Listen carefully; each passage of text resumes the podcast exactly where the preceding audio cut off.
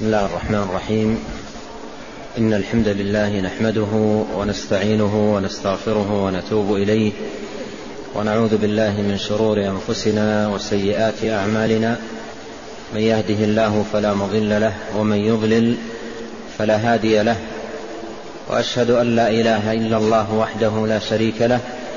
وأشهد أن محمدا عبده ورسوله صلى الله وسلم عليه. وعلى آله وأصحابه أجمعين. اللهم إنا نسألك علما نافعا وعملا صالحا ورزقا طيبا. ونسألك التوفيق لما تحبه وترضاه. ونواصل القراءة في كتاب أصول الإيمان لشيخ الإسلام محمد بن عبد الوهاب رحمه الله. نعم. الحمد لله رب العالمين. والصلاة والسلام على رسوله الأمين وعلى آله وصحبه أجمعين. قال شيخ الإسلام محمد بن عبد الوهاب رحمه الله تعالى وغفر له وللشارح والسامعين. باب قول الله تعالى وما قدر الله حق قدره والأرض جميعا قبضته يوم القيامة والسماوات مطويات بيمينه سبحانه وتعالى عما يشركون. عن أبي هريرة رضي الله عنه قال سمعت رسول الله صلى الله عليه وعلى آله وسلم يقول يقبض الله يقبض الله الأرض ويطوي السماء بيمينه ثم يقول أنا الملك أين ملوك الأرض؟ رواه البخاري. قال المصنف رحمه الله باب قول الله تعالى وما قدر الله حق قدره والأرض جميعا قبضته يوم القيامة والسماوات مطويات بيمينه سبحانه وتعالى عما يشركون.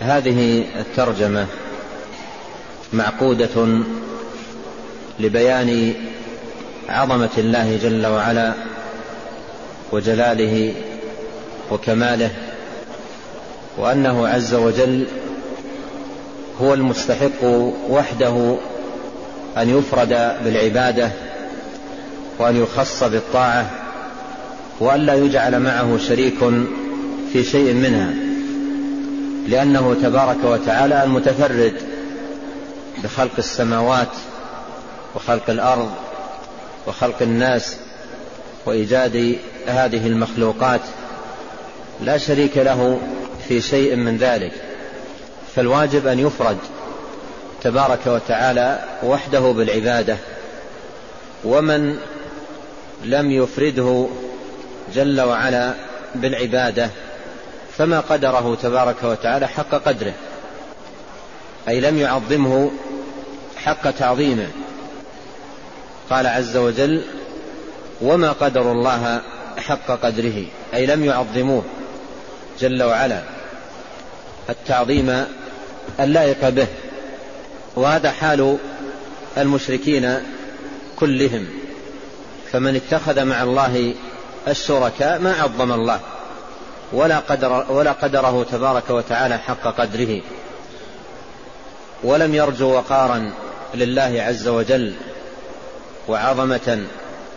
قال قال سبحانه ما لكم لا ترجون لله وقارا وقد خلقكم أطوارا. فهذه كلها تبين سوء حال المشرك الذي اتخذ مع الله تبارك وتعالى الأنداد. ولهذا يأتي في القرآن في آيات كثيرة من ذكر عظمة الله وجلاله وكمال اقتداره سبحانه وقوته وتدبيره لهذا الكون وأنه وأنه تحت تدبيره جل وعلا وبقبضته وتحت تصرفه وطوع أمره إلى غير ذلك من المعاني المبينة لعظمة الله جل وعلا وأنه تبارك وتعالى وحده المستحق للعبادة. هذه الآية الكريمة صدرت ببيان أن من اتخذ مع الله تبارك وتعالى الأنداد لم يقدر ربه تبارك وتعالى حق قدره. وختمت بتنزيه الله تبارك وتعالى عن أفعال هؤلاء المشركين المنددين المتخذين الشركاء مع الله تبارك وتعالى وذكر في أثنائها من الدلائل البينات والبراهين الواضحات التي تبين فساد الشرك وبطلان ما عليه أهله. قال وما قدر الله حق قدره والأرض جميعا قبضته يوم القيامة والسماوات مطويات بيمينه. الأرض جميعا قبضته يوم القيامة أي تكون في قبضة يده جل وعلا. وهذا فيه إثبات اليد. لله يدا تليق بجلاله وكماله موصوفة في القرآن وفي السنة بصفات اليد الحقيقية التي يعرف معناها في لغة العرب. ولهذا جاء في القرآن وفي السنة من أوصاف يد الرحمن تبارك وتعالى ما يدل على أنها يد. حقيقية تليق بالله سبحانه وتعالى مثل القبض والطي والبسط والأخذ إلا أخذها الله بيمينه. بل إن صفات اليد التي وردت في القرآن والسنة يد الرحمن جل وعلا تقارب المئة صفة. عددها ابن القيم رحمه الله في كتابه الصواعق المرسلة تقارب المئة صفة كلها شاهدة على أنها يد حقيقية تليق بالله وبجلاله وكماله سبحانه وتعالى. ومن أنكر ثبوت اليد صفة له فهو جاحد معطل ومن شبه يد الله تبارك وتعالى بأيدي المخلوقين فما قدر الله حق قدره ويكون بذلك كافر, كافر مشبه.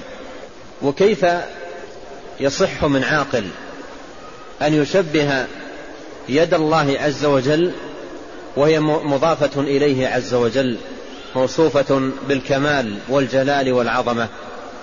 كيف يصح من عاقل أن يشبه يد الله؟ بيد المخلوقين والله يقول عن يده سبحانه والأرض جميعا قبضته يوم القيامة والسماوات مطويات بيمينه.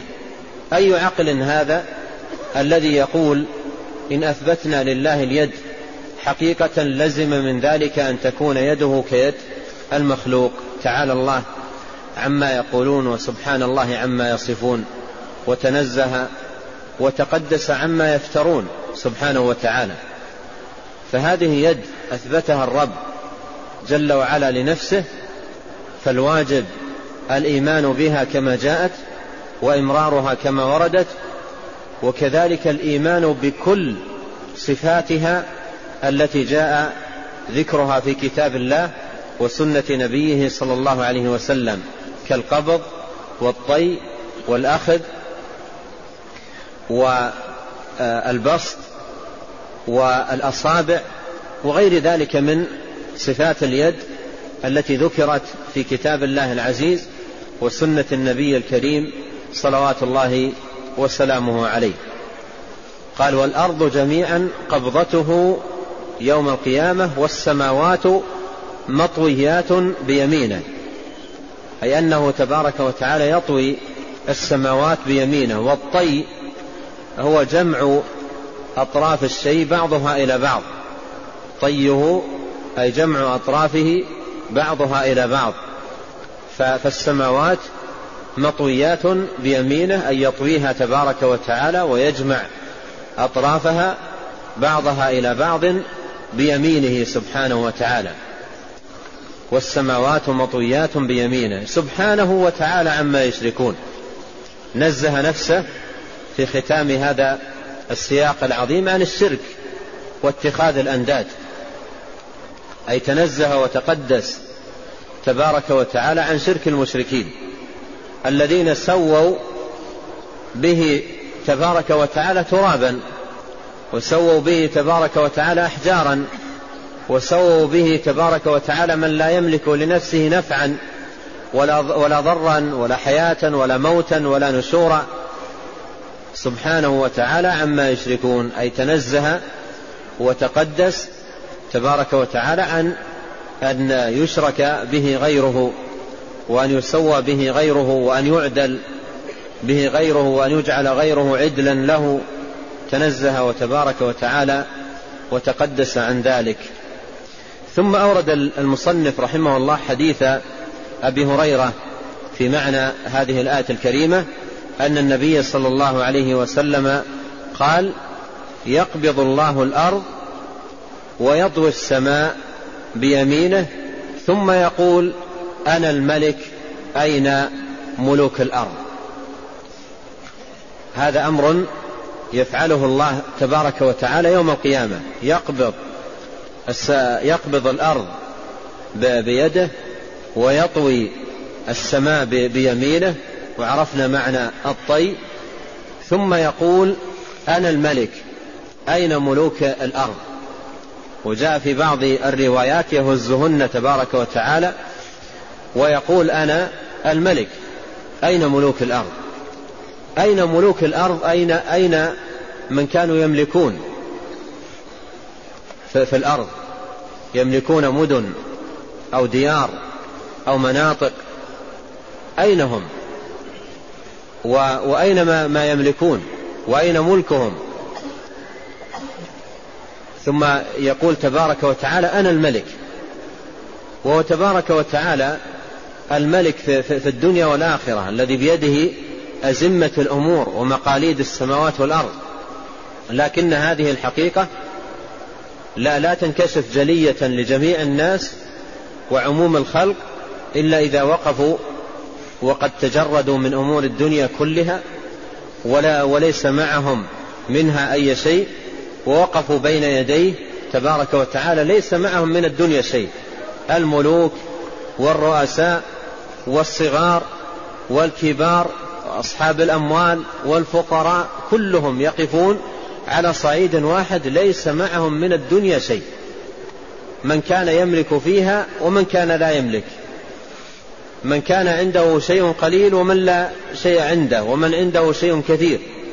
الكل يقف في صعيد واحد في أرض عفراء أرض جرداء أرض لا ظل فيها ولا ولا سكنى ولا مأوى يقفون وقد تجردوا من أمور الدنيا. كما قال عليه الصلاة والسلام في حديث آخر يحشر الله الناس يوم القيامة حفاة عراة بهما. قالوا وما بهما يا رسول الله؟ قال أي ليس معهم من الدنيا شيء. أي ليس معهم من الدنيا شيء. أي أي شيء كانوا يملكونه في الدنيا لا يكون معهم. لا درهم ولا دينار ولا تجارة ولا مسكن ولا غير ذلك. فينجلي الأمر ويتجلى للجميع ويظهر من كان مغترا بملكه مغترا بسلطانه مغترا برئاسته مغترا بتجارته. كل هذه الأشياء تذهب. ما أغنى عني مالية هلك عني سلطانية كلها تذهب ولا يبقى منها شيء. يقول الرب تبارك وتعالى أين ملوك الأرض؟ أين ملوك الأرض؟ أين ملكهم؟ أين ذاك الملك المدعى؟ أين تلك السلطة؟ أين ذاك الأمر والنهي؟ أين ذاك التعالي والتكبر الذي يوجد في كثير من الناس؟ أين ملوك الأرض؟ يقول أنا الملك. في, في, في حديث آخر يقول أنا الملك أنا الديان. الديان المجازي المحاسب فهو تبارك وتعالى يجازي الحساء العباد في ذلك اليوم ويحاسبهم على ما قدموا في حياتهم الدنيا. يقول أنا الملك أين ملوك الأرض؟ قال وله عن ابن عمر وله عن ابن عمر رضي الله عنهما عن رسول الله صلى الله عليه وعلى آله وسلم قال إن الله يقبض يوم القيامة الأراضين وتكون السماوات وتكون السماوات بيمينه ثم يقول أنا الملك. وفي رواية عنه أن رسول الله صلى الله عليه وعلى آله وسلم قرأ هذه الآية ذات يوم على المنبر وما قدر الله حق قدره والأرض جميعا قبضته يوم القيامة. والسماوات مطويات بيمينه سبحانه وتعالى عما يشركون. ورسول الله صلى الله عليه وسلم يقول هكذا بيده يحركها ويقبل بها ويدبر. يمجد الرب نفسه أنا الجبار أنا المتكبر أنا العزيز أنا الكريم. فرجف برسول الله صلى الله عليه وعلى آله وسلم المنبر حتى قلنا ليخرن به. رواه أحمد. ورواه مسلم عن عبد الله عن عن عبيد الله بن بن مقسم أنه نظر إلى عبد الله بن عمر رضي الله عنهما. كيف يحكي عن رسول الله صلى الله عليه وعلى آله وسلم؟ قال يأخذ الله سماواته وأراضيه بيديه فيقبضهما فيقول أنا الملك ويقبض أصابعه ويبسطها فيقول فيقول أنا الملك حتى نظرت إلى المنبر يتحرك من أسفل شيء منه. حتى إني حتى إني لاقول أساقط هو برسول الله صلى الله عليه وعلى آله وسلم.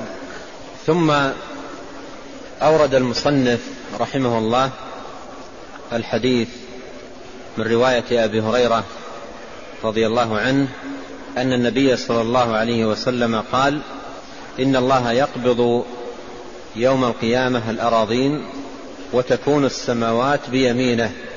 أي أنه تبارك وتعالى يطويها بيمينه كما هو مبين في الرواية التي قبله في حديث أبي هريرة رضي الله عنه. تكون السماوات بيمينه ثم يقول أنا الملك. وقوله عز وجل أنا الملك أي الذي له الملك كله ملك الدنيا وملك الآخرة وملك الخلائق الذي بيده أزمة الأمور. واسمه تبارك وتعالى الملك يدل على ثبوت صفة الملك لله جل وعلا. والملك الذي هو صفة الله تبارك وتعالى يتناول أمورا كلها يشملها كونه تبارك وتعالى الملك. منها اتصافه جل وعلا بصفات الجمال والجلال والعظمة والعزة والقدرة والقوة إلى غير ذلك من الصفات التي هي صفات الملك جل وعلا. فاسمه تبارك وتعالى الملك يدل على صفات الملك التي هي صفات الجلال والكمال والعظمة صفات القوة والقدرة. والتدبير والتصرف. أيضا يشمل اسمه تبارك وتعالى الملك ويدل على أنه له الحكم. له الحكم الشرعي فهو الذي يأمر وينهى ويشرع.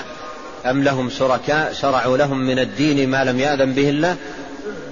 وله الحكم القدري فهو الذي له الأمر تبارك وتعالى كله ما شاء الله كان وما لم يشاء لم يكن لا مانع لما أعطى ولا معطي لما منع لا رافع لما خفض ولا خافض لما رفع لا قابض لما بسط ولا باسط لما قبض. الأمر بيده تبارك وتعالى لأنه هو الملك وهو الذي يتصرف في مملكته تبارك وتعالى كيف شاء. ويحكم فيها تبارك وتعالى بعلمه وحكمته ويدبر كما أراد. ولا يمكن أن يكون في ملكه تبارك وتعالى ولا ذرة إلا بمشيئته جل وعلا. فما شاء الله كان وما لم يشأ لم يكن ولا حول ولا قوة إلا به سبحانه وتعالى. وأيضا يشمل الحكم الجزائي والمجازات والمحاسبة وإثابة المطيع ومعاقبة العاصي كل ذلك من ملكه من ملكه تبارك وتعالى وتدبيره ما ينزله من الكتب ويرسله من الرسل ويهدي إليه من, الشرائع ويرضاه تبارك وتعالى من الدين كل ذلك من معاني الملك كل ذلك من معاني الملك. وقوله سبحانه وتعالى يوم القيامة أنا الملك أين ملوك الأرض؟ هذه الحقيقة كما قدمت لا تبرز جلية واضحة لكل الناس وعموم الخلق بكافة أصنافهم وجميع فئاتهم إلا إذا وقفوا متجردين من الدنيا ليس معهم منها شيء اضمحلت الأمور وانقشعت الحقيقة وتجلى الأمر. فيقول تبارك وتعالى أنا الملك أين ملوك الأرض؟ أين ذاك الملك الذي يزعم والسلطان الذي يدعى والتعالي الذي يوجد؟ كلها تذهب وتضمحل ولا يبقى منها شيء. والملك بيد الله تبارك وتعالى الواحد القهار. كل ملك يفنى وكل ملك يزول ويبيد والله تبارك وتعالى المالك الذي بيده الملك جل وعلا ملك الدنيا وملك الآخرة ملك السماوات وملك الأرض وملك الخلائق الذي يحكم في في خلقه وفي ملكه تبارك وتعالى كيف شاء وكما يريد سبحانه وتعالى. قال وفي رواية أن رسول الله صلى الله عليه وسلم قرأ هذه الآية ذات يوم على المنبر. قرأ هذه الآية ذات يوم على المنبر. وهذا فيه فائدة أن مما ينبغي أن يوعظ الناس به على المنبر ومما ينبغي أن يسمعونه في الخطابة الجامعة التي تعالج مشكلات الناس وتفتح لهم أبوابا في الهداية. والصلاح وحسن الإقبال على الله تبارك وتعالى غرس الاعتقاد الصحيح وبيانه للناس وإيضاحه. كما كان نبينا عليه الصلاة والسلام آه، يصنع في خطبته غرس الاعتقاد الصحيح وأن يزرع في في قلوب الناس تعظيم الله جل وعلا وقدره عز وجل حق قدره وتعظيمه حق تعظيمه. وأن يعرف الناس كمال قدرته وكمال قوته وكمال تدبيره جل وعلا فهذه معاني عظيمة يفتقر الناس إلى إلى بيانها وإيضاحها وتبيينها ولا سيما في الخطب الجامعة التي يوعظ فيها الناس ويذكرون بالله تبارك وتعالى ويذكرون بعظمته وجلاله وكمال اقتداره سبحانه وتعالى. قال قرأ هذه الآية ذات يوم على المنبر. قرأها ذات يوم على المنبر. فهذا كما قدمت يدل على مشروعية هذا العمل.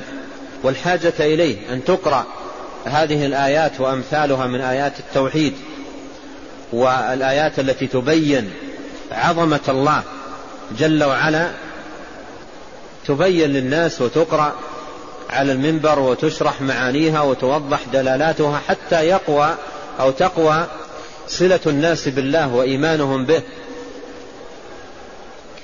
قرأ قول الله تعالى وما قدر الله حق قدره والأرض جميعا قبضته يوم القيامة والسماوات مطويات بيمينه سبحانه وتعالى عما يشركون. قرأ هذه الآية صلوات الله وسلامه عليه وهو واقف على المنبر يخطب الناس صلى الله عليه وسلم. قال ابن عمر ورسول الله صلى الله عليه وسلم يقول هكذا بيده يحركها ويقبل بها ويدبر لما قرأ عليه الصلاة والسلام قول الله تبارك وتعالى والأرض جميعا قبضته يوم القيامة والسماوات مطويات بيمينه قبض النبي صلى الله عليه وسلم بيده وأخذ يهزها عليه الصلاة والسلام يحركها إلى الأمام وإلى الخلف يقبل بها ويدبر يحركها عليه الصلاة والسلام وهو على المنبر. إلى إلى الأمام وإلى الخلف يقبل بها ويدبر.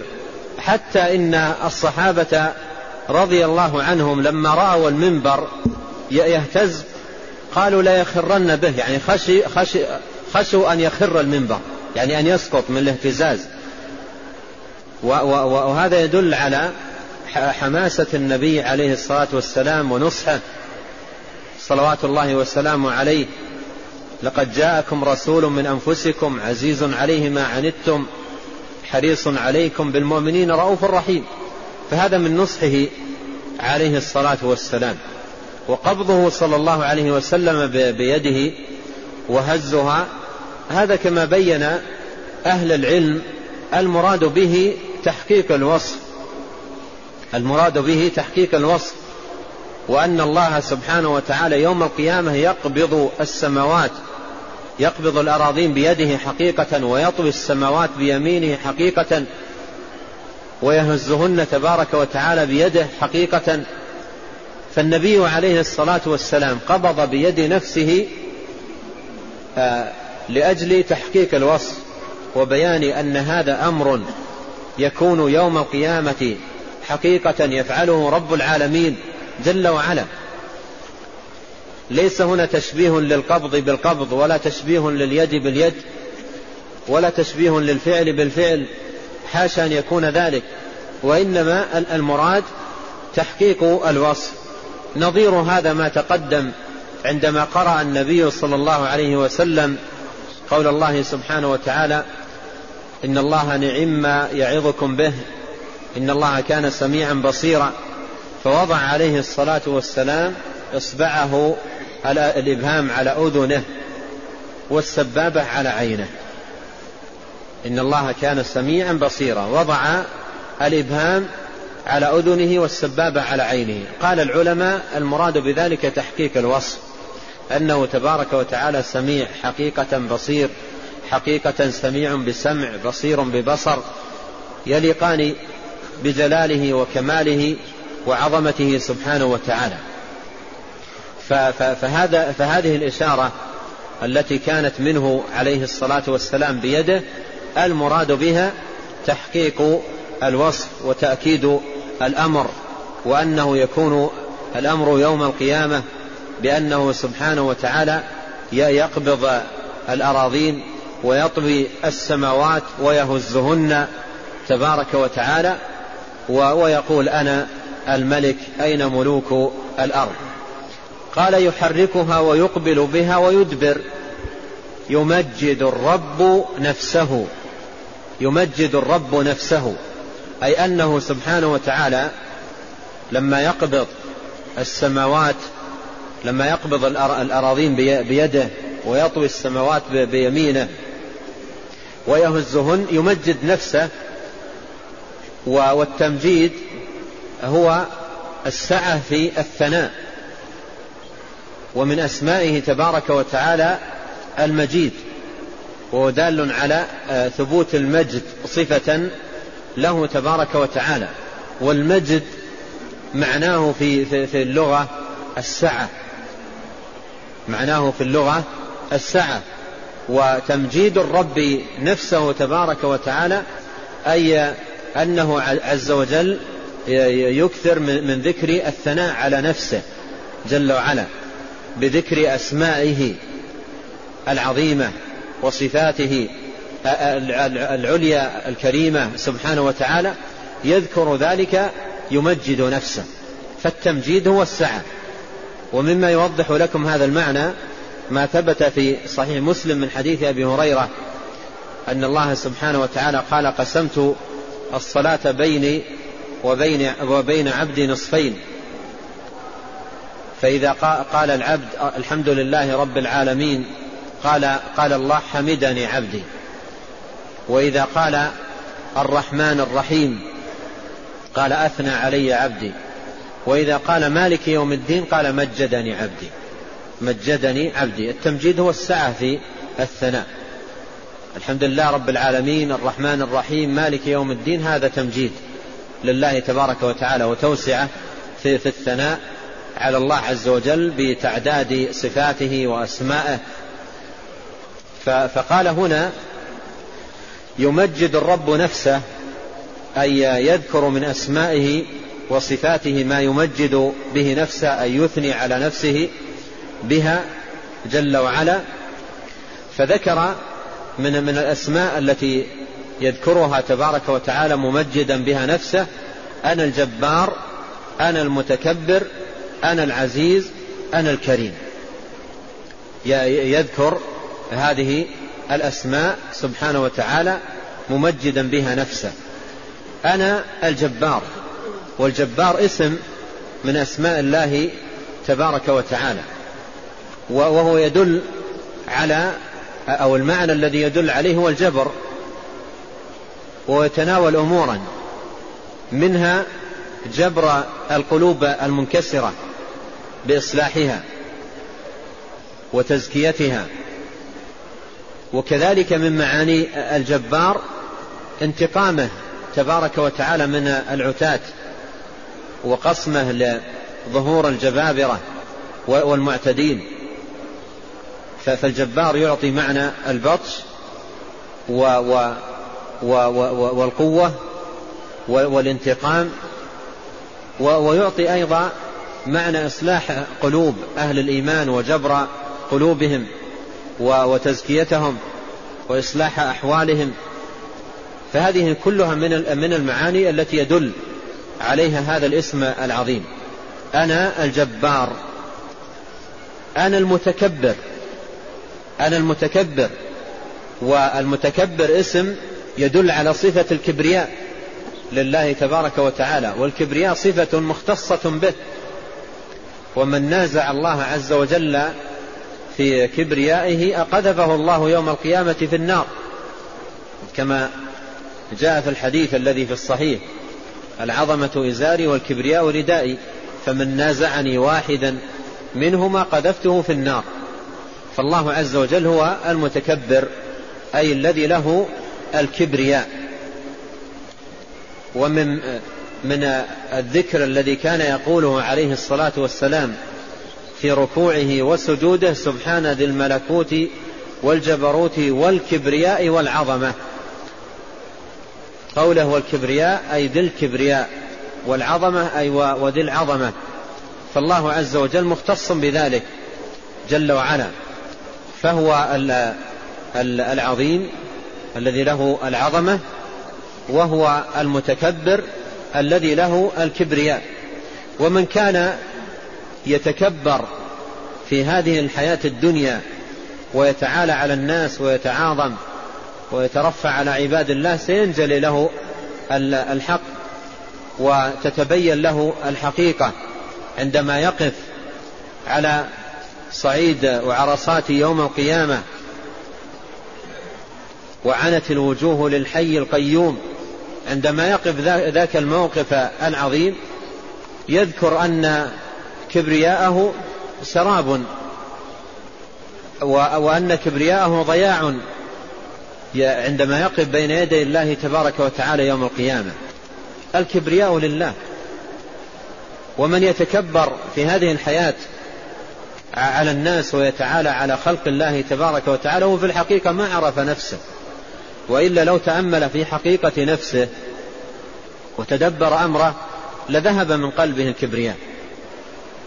الإنسان ما هو حتى يتكبر؟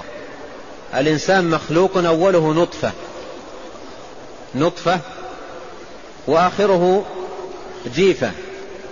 يلقى أو يدفن في في حفرة وتأكل لحمه الديدان وتأكله الأرض وهو بين ذلك يحمل في بطنه العذرة.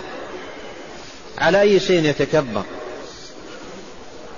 إنك لن تخرق الأرض ولن تبلغ الجبال طولا. على ماذا يتكبر الإنسان؟ من يتكبر ما عرف حقيقة نفسه. لكن يوم القيامة يحشر المتكبرون في غاية الذل وهم في غاية الصغار والضعف. ويعرفون حقيقة تكبرهم. فيقول الله سبحانه وتعالى أنا الجبار أنا المتكبر. وكما قدمت هذه معاني تظهر للناس كلهم. في الدنيا يوجد من يتجبرون ومن يتكبرون ومن يتعاظمون ومن أيضا يغتر بتجبرهم وتعاظمهم وتكبرهم ويظنهم على شيء لكن هذه كلها تنقشع وتنجلي وتتضح لعموم الخلائق يوم القيامة. يقول جل وعلا أنا الجبار أنا المتكبر أنا العزيز. والعزيز هو القاهر الذي لا يغلب الذي بيده أزمة الأمور تبارك وتعالى. قال أنا العزيز أنا الكريم. يذكر تبارك وتعالى كرمه جل وعلا. وجوده وسخاءه ومنه وإفضاله جل وعلا. وكرمه سبحانه الذي يثني على نفسه به في ذلك اليوم العظيم. ليس لكافر فيه مطمع. ليس لكافر فيه مطمع. ولا حظ له فيه ولا منال. فالرب العظيم واسع الكرم واسع الجود واسع المن واسع العطاء. عظيم الصفح جل وعز ليس لكافر في كرمه سبحانه وتعالى ورحمته ومغفرته مطمع. وهذا أمر آه، قطع به في كتاب الله عز وجل إن الله لا يغفر أن يشرك به ويغفر ما دون ذلك لمن يشاء ويغفر ما دون ذلك لمن يشاء. قال يقول أنا الكريم فيرجف يقول ابن عمر فيرجف برسول الله صلى الله عليه وسلم المنبر. يرجف المنبر برسول الله صلى الله عليه وسلم لأنه كان يهز المنبر لأنه كان يهز يده. يهز يده يقبل بها ويدبر. فيهتز جسمه لاهتزاز يده مقبلة مدبرة. ويهتز المنبر تبعا لاهتزاز الرسول أو جسم الرسول عليه الصلاة والسلام عليه. حتى إن الصحابة لما رأوا اهتزاز المنبر من تحته عليه الصلاة والسلام قال حتى قلنا ليخرن به. ليخرن أن يسقط المنبر برسول الله صلى الله عليه وسلم. وهذا كما قدمت مما يبين لنا كمال نصح النبي عليه الصلاة والسلام. كمال نصحه في خطابته للناس وبيانه لهم. وقد وصفه بعض أصحابه أنه عليه الصلاة والسلام إذا خطب الناس احمر وجهه وعلى صوته كأنه منذر جيش يقول صبحكم ومساكم. منذر الجيش معروفة صفته. عندما يداهم الجيش بلدا من البلدان فيأتي واحد من, من أهل هذا البلد ليخبر أهل البلد. بالجيش الذي داهمهم. كيف تكون صفته قال كأنه منذر جيش. كأنه منذر جيش. أي كأنه منذر قومه من جيش وصلهم. وداهم بلدهم. كأنه منذر جيش يقول صبحكم ومساكم. جاءكم الجيش يعني في هذا الصباح وصلكم. أو في هذا المساء. كأنه منذر جيش. فكان عليه الصلاة والسلام معلما أمينا وناصحا مشفقا صلوات الله وسلامه عليه وما ترك خيرا إلا دلت دل الأمة عليه ولا شرا إلا حذرها منه. وهنا يا أخوان يعجب المسلم غاية العجب عندما يتأمل في نصح النبي العظيم هذا في بيانه للدين وبيانه للاعتقاد وبيانه لأصول الإيمان بهذه القوة وبهذا النصح الكامل منه صلوات الله وسلامه عليه ثم يجد أقواما وهم كثيرون يدعون الانتساب إليه ولا يأخذون الاعتقاد عنه. لا يأخذون الاعتقاد عنه وإنما يأخذون الاعتقاد عن عقولهم هم ويبنون اعتقادهم على عقولهم. حتى أحاديث النبي صلى الله عليه وسلم بما فيها هذا الحديث الذي فيه نصحه عليه الصلاة والسلام لا يأخذون منه عقيدة بل يتشاغلون بتأويل هذا الحديث ورده. بل يتشاغلون بتأويل هذا الحديث ورده ورد غيره من نصوص الصفات سواء منها ما جاء في كتاب الله أو ما جاء في سنة رسول الله صلى الله عليه وسلم. فترى هؤلاء يقفون عند مثل هذه النصوص ويقول قائلهم اليد ما تليق بالله. اليد ما تليق بالله.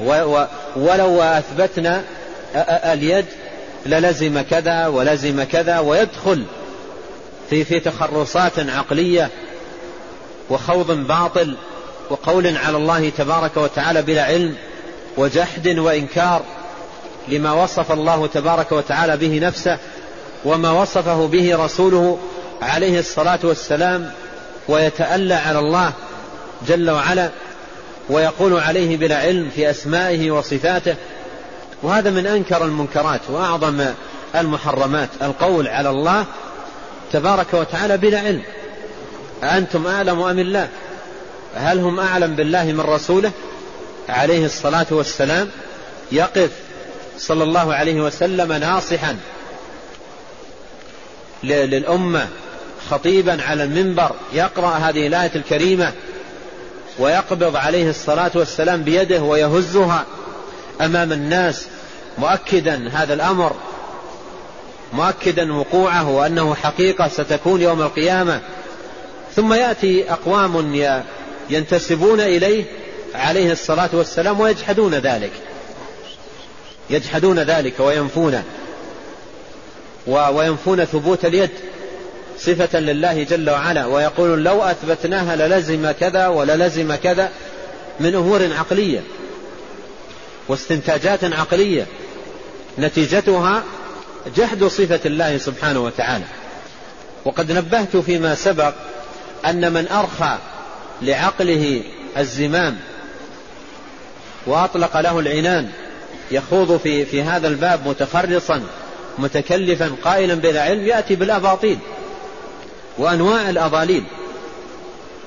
ولعلنا نذكر جميعا حديث النبي صلى الله عليه وسلم الذي مر معنا قريبا قال عليه الصلاة والسلام إن رجلا قال إن الله لا يغفر لفلان. فقال الله عز وجل من هذا الذي يتألى علي؟ غفرت له وأحبطت عملك. غفرت له وأحبطت عملك. قال إن الله لا يغفر لفلان. قوله إن الله لا يغفر لفلان هذا الرجل أرخى لعقله العنان وأخذ يستنتج وأخذ يصبر حال ذاك الرجل وجد عنده معاصي كثيرة وجد عنده تفريط وتقصير عظيم وأخذ يستنتج وتوصل عقله إلى هذه النتيجة الله لا يغفر لفلان. لم يجحد أن الله غفور. لم يجحد أن الله غفور. ولكنه حجر المغفرة حجر واسعا. وأقحم عقله في مشيئة الله وفي علمه وحكمته. من أنت حتى تقول الله لا يغفر لهذا أو لا يرحم هذا أو يرحم ذاك؟ هذا أمر بيده ويرجع إلى حكمته ومشيئته. سبحانه وتعالى.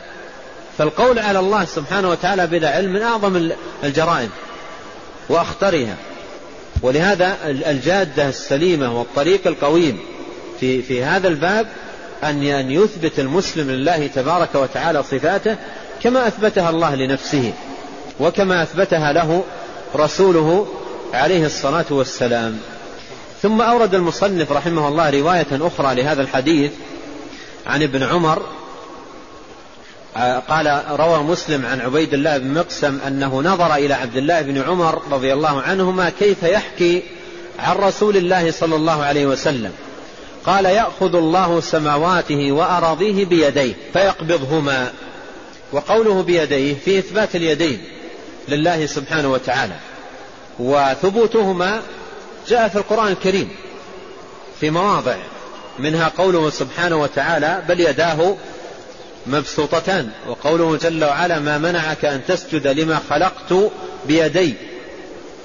فالله سبحانه وتعالى له يدان حقيقيتان تليقان بجلاله وكماله وعظمته سبحانه وتعالى. قال آه، يأخذ الله سماواته وأراضيه بيديه فيقبضهما. ذكر في الحديث هنا صفتان لليد الأخذ والقبض ومر معنا الطي. فهذه كلها صفات ليد الله. وذكرت لكم أن ابن القيم رحمه الله أوصلها إلى إلى إلى قرب المئة صفة في في كتابه الصواعق. كلها صفات تؤكد ثبوت اليد حقيقة لله جل وعلا كما يليق بجلاله وكماله وعظمته. وهنا خذوا فائدة مهمة في, في هذا الباب قبل المواصلة وهي أن العلماء رحمهم الله يقولون الإضافة تقتضي التخصيص. الإضافة تقتضي التخصيص. معنى ذلك أن ما يضاف إلى الله سبحانه وتعالى من الصفات ومنها اليد كما هنا في هذا الحديث ما يضاف إلى الله سبحانه وتعالى من الصفات تخصه وتليق به. وما يضاف إلى المخلوق من الصفات تخص المخلوق وتليق به. فاليد إذا أضيفت إلى من ليس كمثله شيء ماذا يكون شأن هذا هذه اليد؟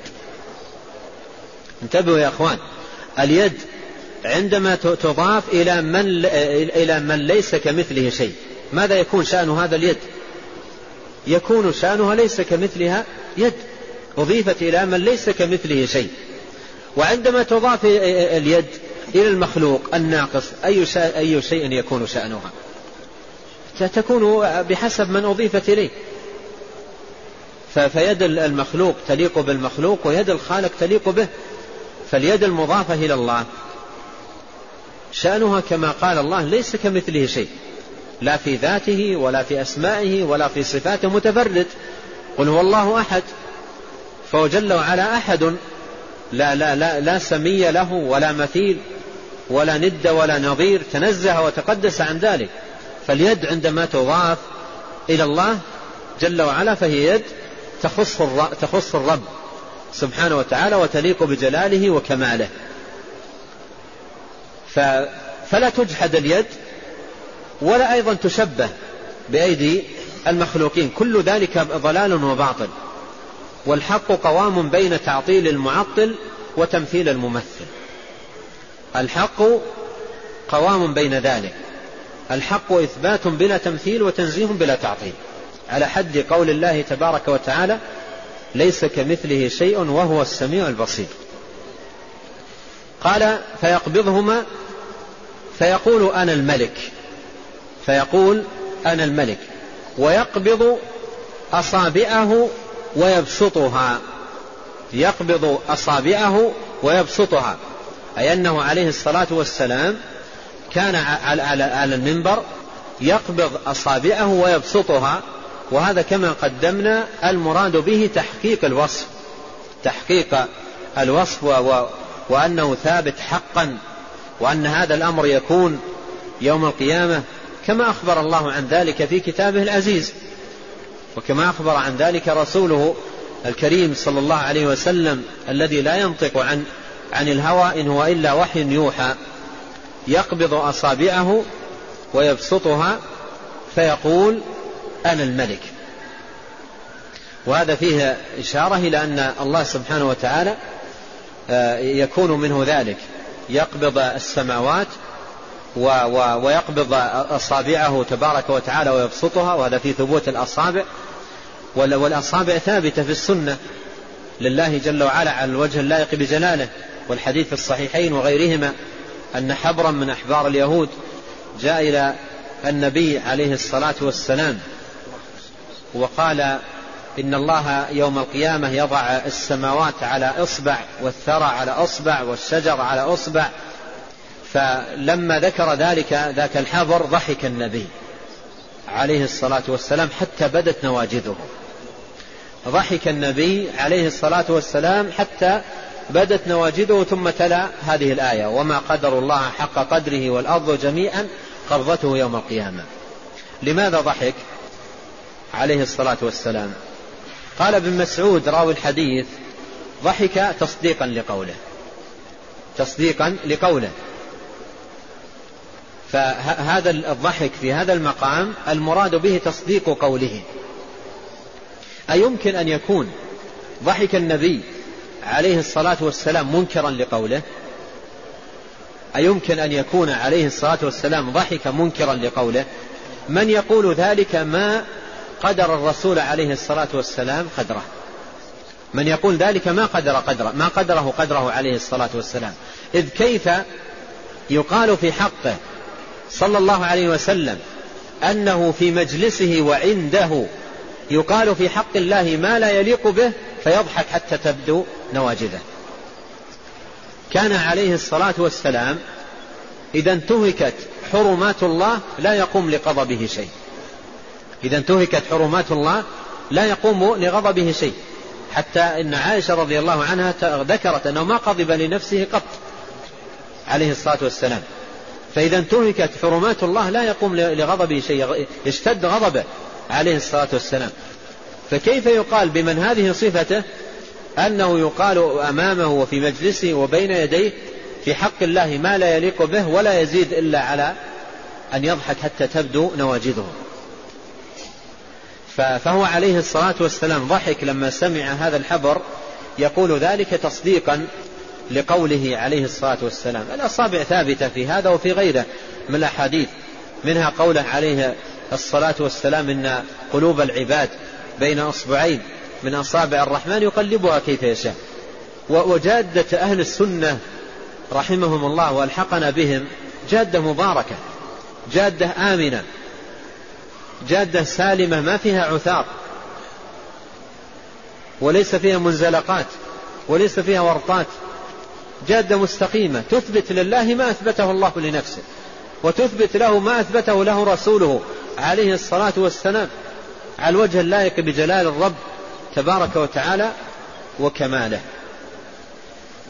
قال فيقول أنا الملك حتى نظرت إلى المنبر يتحرك من أسفل شيء منه حتى نظرت إلى المنبر يتحرك من أسفل شيء منه أي من رسول الله صلى الله عليه وسلم يتحرك من تحت قدميه صلوات الله وسلامه عليه حتى إني لأقول يعني ابن عمر أساقط هو برسول الله صلى الله عليه وسلم أي خشي أن يسقط المنبر من تحرك النبي صلوات الله وسلامه عليه على المنبر. وكما قدمت كل, كل ذلك من كمال النصح الكريم عليه الصلاة والسلام وأعيد ما ذكرته من تعجب من حال أقوام نصح نبيهم عليه الصلاة والسلام لأمته غاية النصح فهجروا نصحه. وأعرضوا عن بيانه وأقحموا عقولهم القاصرة قائلين على الله تبارك وتعالى بلا علم. نعم. قال في الصحيحين عن عمران بن حسين رضي الله عنه قال قال رسول الله صلى الله عليه وعلى آله وسلم اقبلوا البشرى يا بني تميم. قالوا قد بشرتنا فاعطنا. قال اقبلوا البشرى يا أهل اليمن. قالوا قد قبلنا فأخبرنا فأخبرنا عن أول هذا الأمر. قال كان الله قبل كل شيء وكان عرشه على الماء. وكتب في اللوح المحفوظ ذكر كل شيء. قال فآتاني قال فأتاني آت فقال يا عمران إن حلت ناقتك إن حلت ناقتك من عقالها قال فخرجت في أثرها فلا أدري ما كان بعدي. ثم أورد المصنف رحمه الله هذا الحديث حديث عمران بن حسين رضي الله عنه أبو نجيح.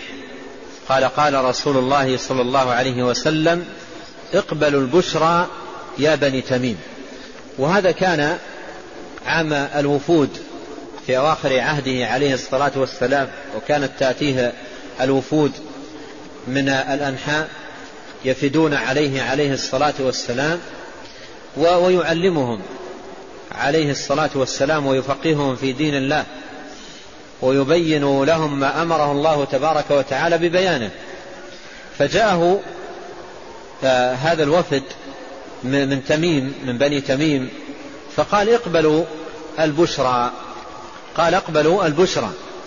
والبشرى هنا أطلقت والمراد البشرى بسعادة الدنيا والآخرة بقبول هذا الدين الذي جاء به عليه الصلاة والسلام والإقبال عليه وأن من أقبل على هذا الدين وحفظه وحافظ عليه والتزم به وثبت عليه إلى الممات يفوز بسعادة الدنيا والآخرة يفوز بالبشارة المطلقة التامة الكاملة لهم البشرى في الحياة الدنيا وفي الآخرة لهم أكمل بشارة. لهم البشارة المطلقة ولهم البشارة المقيدة. البشارة المطلقة بكل خير والبشارة المقيدة ما جاء منها مقيدة إما بالجنة أو برضا الله أو نحو ذلك مما جاء ذكره في كتاب الله عز وجل وسنة نبيه عليه الصلاة والسلام. اقبلوا البشرى يا بني تميم. وهو عليه الصلاة والسلام بعث بشيرا ونذيرا.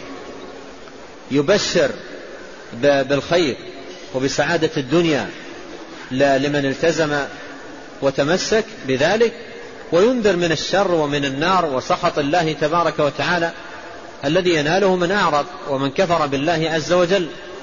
قال اقبلوا البشرى يا بني تميم اقبلوا البشرى يا بني تميم. قالوا بشرتنا فأعطنا بشرتنا فأعطنا. كأنهم أرادوا عطاء منه عليه الصلاة والسلام مما آتاه الله عز وجل من أمور الدنيا ومتاعها. بشرتنا فأعطنا ثم جاء وفد آخر آه، من أهل اليمن. قال لهم عليه الصلاة والسلام اقبلوا البشرى يا أهل اليمن. قالوا قبلنا. قالوا قبلنا. فأخبرنا عن أول هذا الأمر. فأخبرنا عن أول هذا الأمر. أول هذا الأمر الإشارة هنا إلى هذا الأمر أي الأمر المشاهد هذا الكون المشاهد. السماوات والأراضون والجبال وهذه المخلوقات ما هو أولها؟ أخبرنا عن أول هذا الأمر. ما هو أوله؟ والإشارة هنا إلى إلى هذا الكون المشاهد وهذه المخلوقات المعاينة المشاهدة السماوات والأرض والجبال. أخبرنا عن أول هذا الأمر. قال كان الله قبل كل شيء.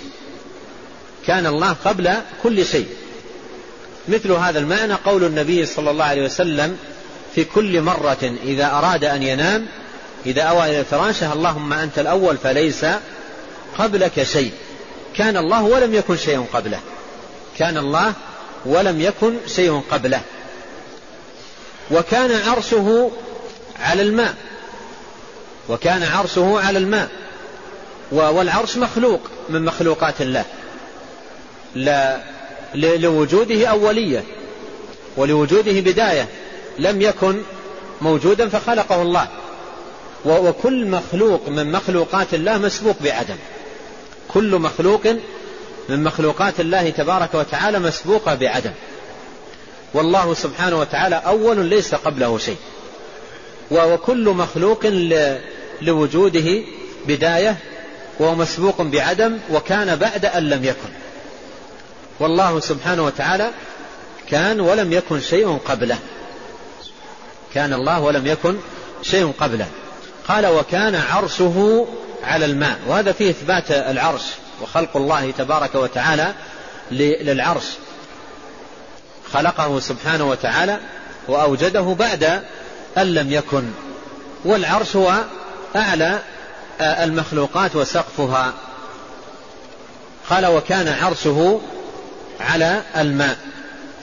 وكتب في اللوح المحفوظ ذكر كل شيء. وكتب في اللوح المحفوظ ذكر كل شيء. فبين هنا عليه الصلاة والسلام أن أول المخلوقات في فيما يتعلق بهذا العالم القلم. ولهذا جاء في بعض الروايات أول ما خلق الله القلم. فقال له اكتب. قال ما أكتب؟ قال اكتب ما هو كائن إلى يوم القيامة. اكتب ما هو كائن إلى يوم القيامة. وليس في هذا دلالة على أن القلم خلق قبل العرش. العرش مخلوق قبل القلم. لكن الأولية هنا تتعلق بما سئل عنه الرسول صلى الله عليه وسلم وهو هذا العالم السماوات والأرض والجبال. قال وكتب في اللوح المحفوظ ذكر كل شيء. وجاء في بعض الروايات كتب فيه ما هو كائن إلى يوم القيامة. كتب ما هو كائن بتفصيل تام كامل.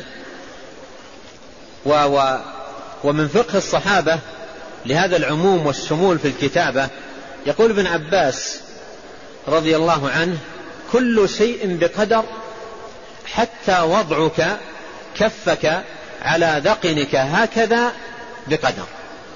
حتى وضعك كفك على ذقنك هكذا بقدر. كل شيء بقدر. أي حركة يتحركها الإنسان وأي سكون وأي قيام وقعود كل ذلك بقدر كتب في اللوح المحفوظ. هذا يبين لنا عظمة الخالق سبحانه وتعالى وكمال علمه جل وعلا. كل ما هو كائن بالتفاصيل الدقيقة بالجزئيات الدقيقة بالأمور اليسيرة كلها كتبت تفصيلا بدقة لا يفوت شيء في اللوح المحفوظ. متى؟ حتى هذا الاجتماع الذي من الله عز وجل علينا به ونسأل الله أن يتقبله منا بقبول حسن. سخره ويسره فنسأل الله أن يتقبله. كتب في اللوح المحفوظ. متى؟ قبل خلق السماوات والأرض بخمسين ألف سنة. قبل خلق السماوات والأرض بخمسين ألف سنة. هذه التفاصيل كلها بدقة. وما يكون من الناس من حركات حركة يسيرة أو قليلة. خائنة الأعين ما تخفي الصدور الأعمال التي في القلوب كل التفاصيل كتبت بدقة لم يترك منها جزء يسير لم يترك منها ذرة واحدة. هذا يدل على ماذا؟ كمال, كمال علم الله عز وجل. علم ذلك في الأزل وأحاط علمه وكتب ذلك في اللوح المحفوظ. خلق سبحانه وتعالى القلم خلق القلم والقلم مخلوق لله وجده بعد أن لم يكن وقال له اكتب. وقال القلم لله سبحانه وتعالى ماذا أكتب؟ أي شيء أكتب؟ قال اكتب ما هو كائن إلى يوم القيامة. فأجرى الله عز وجل القلم بكتابة ما هو كائن إلى يوم القيامة. كل التفاصيل التي تكون إلى يوم القيامة كتبت. كتبت بالقلم في اللوح المحفوظ. وكل شيء فعلوه في الزبر وكل صغير وكبير مستطر. كل ذلك مكتوب. فهذا يدل على كمال علم الله. وسيأتي عند المصنف باب عظيم في في في إثبات القدر. إثبات القدر بمراتبه العلم المحيط الشامل والكتابة لكل ما هو كائن إلى يوم القيامة. والمشيئة النافذة مشيئة الله سبحانه وتعالى النافذة. وأن كل ما يكون ويوجد هو خلق له. الله خالق كل شيء. والله خلقكم وما تعملون. الحمد لله رب العالمين. سيأتي عند المصنف رحمه الله باب خاص في هذا. قال وكتب في اللوح المحفوظ ذكر كل شيء. الحديث لا يزال متصلا من النبي عليه الصلاة والسلام لكن عمران يقول فأتاني آت. فأتاني آت يعني جاءني رجل وقال لي يا عمران انحلت ناقتك أي من عقالها وهو العقال ما يوضع في يد الناقة وهو المكور المدور يوضع في يد الناقة إذا إذا بركت. ويوضع في يدها بحيث لا تستطيع أن تقوم. كل ما أرادت أن تقوم منعها العقال ولا تزال الناقة تحاول أن تقوم وفي يدها العقال لا لا تزال الناقة وفي يدها العقال تحاول أن تقوم فتجد العقال ينحل من يدها شيئا فشيئا إلى أن يسقط العقال فتقوم. فتتكرر منها المحاولة. ولهذا صاحب الإبل يحتاج أن يتعاهدها دائما. إذا وضع في أيديها العقل يحتاج أن يتعادها دائما يمر فمن حل منها آه، عقاله يعيده. ولهذا قال عليه الصلاة والسلام تعاهدوا القرآن فإنه أشد تفلتا من الإبل في ماذا؟ في عقلها. الإبل في عقلها. قال فجاءني رجل أتاني آت وقال يا عمران إن حلت ناقتك من عقالها. فخرجت في أثرها يعني خرج يطلب ناقته فقال فلا أدري ما كان بعد. وهذا اعتذار من من عمران عن سبب ذكره بقية الحديث لهذا العذر الذي حصل له وهو أن ناقته انحلت من عقالها وذهبت وذهب في في إثرها يرجعها ويعيدها فيقول لا أدري يقول ذلك معتذرا رضي الله عنه وأرضاه. وهذا أيضا من من كمال أدب الصحابة رضي الله عنهم من كمال أدب الصحابة وحرصهم ونصحهم في بيان كلام النبي صلى الله عليه وسلم. ولما كان للكلام بقية فاتته لهذا السبب اعتذر بهذا العذر الذي أو بهذا الأمر العارض الذي حصل له. هذا الحديث والأحاديث التي قبلها وكذلك الأحاديث الآتية كلها في بيان عظمة الله جل وعلا وأنه سبحانه وتعالى الرب العظيم والخالق الجليل والملك المتصرف المدبر لهذا الكون وأنه تبارك وتعالى المستحق للعبادة وحده تبارك وتعالى دون سواه وأن من صرف شيئا من العبادة والذل والخضوع لغيره ما قدر ربه تبارك وتعالى حق قدره وما عظمه سبحانه وتعالى حق تعظيمه. وإنا لنسأل الله جل وعلا بأسمائه الحسنى وصفاته العلى أن يصلح أحوالنا أجمعين وأن يهدينا إليه صراطا مستقيما وأن يجعلنا ممن يعظمه تبارك وتعالى حق تعظيمه وأن يرزقنا الإخلاص في الأقوال والأعمال وأن لا يكلنا إلى أنفسنا طرفة عين. وأن يصلح لنا ديننا الذي هو عصمة أمرنا وأن يصلح لنا دنيانا التي فيها معاشنا وأن يصلح لنا آخرتنا التي فيها معادنا وأن يجعل الحياة زيادة لنا في كل خير والموت راحة لنا من كل شر. وأن يغفر لنا ولوالدينا ولمشائخنا وللمسلمين والمسلمات والمؤمنين والمؤمنات الأحياء منهم والأموات. اللهم إنا نسألك الثبات في الأمر والعزيمة على الرشد. ونسألك موجبات رحمتك وعزائم مغفرتك. ونسألك شكر نعمتك وحسن عبادتك. ونسألك قلبا سليما ولسانا صادقا. ونسألك من خير ما تعلم. ونعوذ بك من شر ما تعلم. ونستغفرك مما تعلم. إنك أنت علام الغيوب. والله تعالى أعلم. وصلى الله وسلم على نبينا محمد وآله وصحبه. أحسن الله إليكم وبارك فيكم. ونفعنا الله بما قلتم وغفر الله لنا ولكم وللمسلمين أجمعين. كثرت الأسئلة في تحقيق الصفة وهل لنا أن نفعل ذلك أمام الناس؟ تحقيق الصفة هذا فعله عليه الصلاة والسلام فعله عليه الصلاة والسلام على على المنبر تحقيقا للوصف بين يدي أصحابه عليه الصلاة والسلام. وهذا الأمر قد يكون فهم الناس له خاطئا وقد قال علي بن, أبي طالب رضي الله عنه حدث الناس بما يعرفون. قد لا يفهم بعض الناس ولا سيما مع كثرة الجهل وقلة العلم ودروس السنن وكثرة الشبهات قد لا قد لا يتبين الناس. فإذا روي الحديث وذكر ما ما فعله النبي صلى الله عليه وسلم فهذا فيه كفاية في بيان الأمر وتوضيح حقيقته. نعم. أحسن الله إليكم. هذا السائل يقول هل يستلزم أو يستلزم من إثبات الأصابع لله أن تكون من أجزاء يده؟ الأصابع من اليد. ولا حاجة إلى مثل هذه الألفاظ التي تكثر في كتب المتكلمين الأجزاء والأبعاض ونحو ذلك والتي ذكروها وقرروها ليعطلوا بها صفات الله سبحانه وتعالى. فهذا أمر لا نحتاج إليه. فأصابع الرحمن من يده تبارك وتعالى. والنبي صلى الله عليه وسلم ذكر لنا هنا في الحديث قال يقبض ويبسط أصابعه والأصابع أصابع اليد فأصابعه تبارك وتعالى من يده. والأمر واضح في كلام النبي عليه الصلاة والسلام ولا ولا يحتاج فيه إلى مثل هذه الألفاظ التي درجت وكثر وكثرت في كتب المتكلمين وأوردوها ليتوصلوا بها إلى تعطيل أوصاف الرب سبحانه وتعالى. هذا يسأل يقول نود بيان ما يقوله العلماء في كون رؤية الله تعالى في الدنيا ليست مستحيلة. مستدلين بطلب موسى عليه الصلاة والسلام رؤية الله. آه، في فرق بين كون الرؤية غير مستحيلة وكونها غير ممكنة.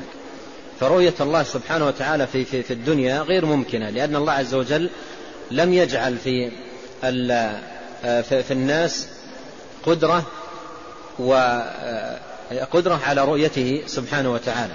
ولما تجلى جل وعلا للجبل جعله دكا فخر موسى صعقا لما رأى آه، اندكاك الجبل فالرؤية غير ممكنة. وليست مستحيلة لأن الله سبحانه وتعالى على كل شيء قدير. الذي أقدر الناس على أن يروه سبحانه وتعالى الذي أقدر أهل الإيمان على أن يروه بأبصارهم يوم القيامة قادر على كل شيء سبحانه وتعالى. فلا يقال مستحيلة لكنها غير ممكنة وغير حاصلة. وقد قال عليه الصلاة والسلام اعلموا أنكم لن تروا ربكم حتى تموتوا. ونسأل الله الكريم رب العرش العظيم أن يمن علينا أجمعين بلذة النظر إلى وجهه والشوق إلى لقائه في غير ضراء مضرة ولا فتنة مضلة. أحسن الله إليكم. هذا السائل يقول هل من معاني الجبار العلو؟ كما كانت العرب تقول هذه نخلة جبارة. الجبار ذكر العلماء في في تفسيره المعنيين اللذين أشرت إليهما. الجبار آه، الذي هو بمعنى آه، جبر القلوب الذي هو إصلاحها والجبر الذي هو آه، قسم الجبابرة وأهل العتو والطغيان بقسم ظهورهم وأنه سبحانه وتعالى شديد العقاب.